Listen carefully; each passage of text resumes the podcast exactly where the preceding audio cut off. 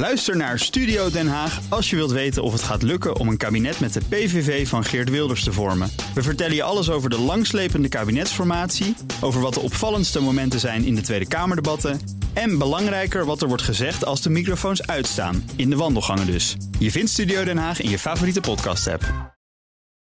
Tech Update.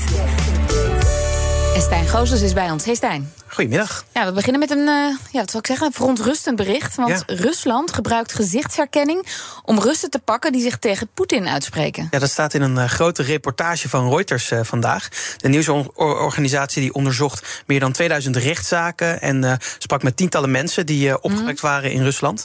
In eh, 2017 werd, eh, werden in Moskou meer dan 160.000 camera's geplaatst ter eh, illustratie, of eh, ter illustratie, ter surveillance. Eh, meer dan 3000 daarvan eh, die zijn verbonden aan een gezichtsherkenningssysteem. En het algoritme achter dat eh, gezichtsherkenningssysteem eh, is eh, gemaakt door Russische en Belarussische partijen.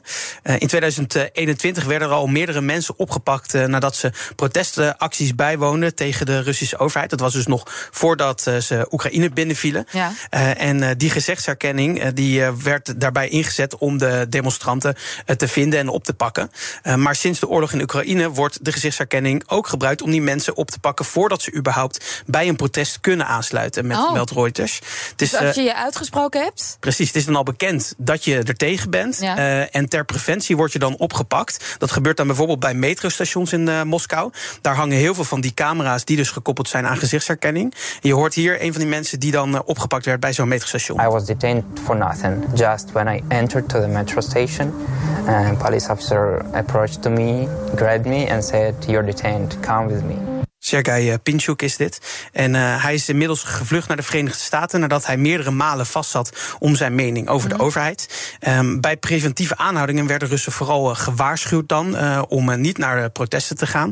En ehm, meerdere mensen die Reuters sprak eh, hebben inmiddels Rusland ook verlaten om angst om langer ook opgesloten te worden. Maar veel geweld wordt daar vaak ook bij gebruikt. En volgens de berichtgeving van Reuters spelen ook Amerikaanse partijen een rol bij die gezichtsherkenning-technologie. Bijvoorbeeld de chips die Ja. Het den- denkwerk doen. Die zijn veelal van Nvidia en Intel, Amerikaanse partijen dus. Maar eh, die chips eh, eh, zijn natuurlijk vaak al ingekocht voordat de sancties naar Rusland waren. Reuters vond ook dat de Russische partijen achter de gezichtsherkenning in het verleden prijzengeld wonnen uit handen van de Amerikaanse overheid door innovatiewedstrijden. Dus je weet nu waar dat geld dan beland ja, is. waar het voor gebruikt is. Ja, en Reuters die, ja, die onderstreept dat toch duidelijk dat de Amerikaanse partijen hier dus ook een rol in spelen. Nou, dan naar nieuws uit eigen land.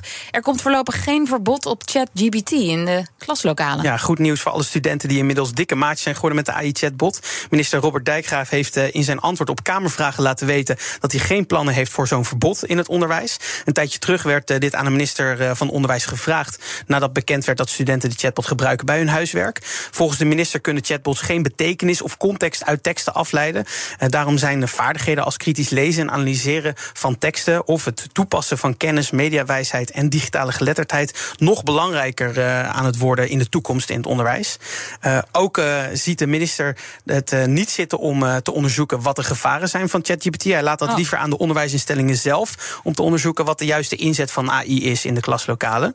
Het is natuurlijk een extra uitdaging voor docenten om deze nieuwe technologieën in de klas te gaan gebruiken of hoe ze daarmee om moeten gaan. En de minister legt dan uit dat ja, de didactische aanpak anders moet worden. Niet alleen meer kijken naar het eindproduct van wat een student inlevert, maar naar het proces ervoor.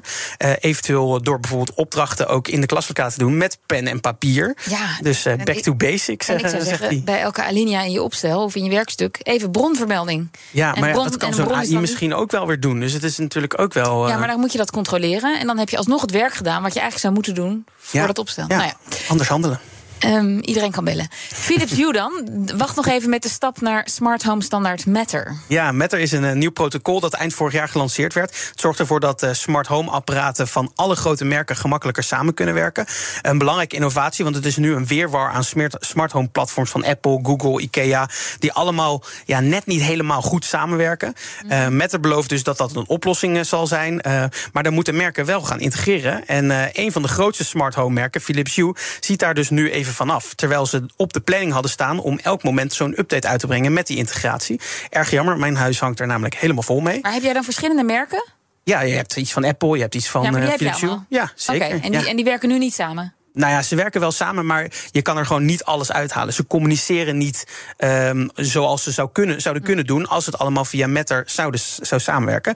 En de reden die Signify geeft, dat is het bedrijf achter Philips Hue, uh, is dat het gewoon nog niet goed genoeg werkt in hun testen. Ze wachten liever nog even tot er meerdere andere bedrijven zijn die, die Matter support uitgerold hebben. En uh, dat komt ook vooral omdat veel Matter-apparaten die dus nu wel Apple al Matter uh, ondersteunen, die ondersteunen dan de bridge van Philips Hue nog niet. Okay. Dus voor hun is dat niet zo'n fijne plek. Uh, en uh, ja, het lijkt er wel op dat elk bedrijf een beetje wacht op elkaar met uh, overstappen. Dus het wordt, ja, de weerwar wordt er niet minder op. En het is even wachten ja, tot het concept dat leuk bedacht is eindelijk realiteit wordt. Maar zijn, zijn die apparaten eigenlijk nog steeds zo populair? De, in de zin de groei? Zit er nog steeds heel veel ja, nou ja, kijk, de, de groei stagneert wel. Maar het is wel zo dat uh, smart home apparaten... dat daar steek, zeker nog veel groei en innovatie in is. Ja. Dankjewel, Stijn Goosens. De BNR Tech Update wordt mede mogelijk gemaakt door Lenklen. Lenklen. Betrokken expertise, gedreven resultaten. Bij BNR ben je altijd als eerste op de hoogte van het laatste nieuws. Luister dagelijks live via internet. Bas van Werven. En heel langzaam komt de zon op rond dit tijdstip. Je krijgt inzicht in de dag die komt op BNR, het Binnenhof in Nederland en de rest van de wereld. De Ochtendspits. Voor de beste start van je werkdag. Blijf scherp en mis niets.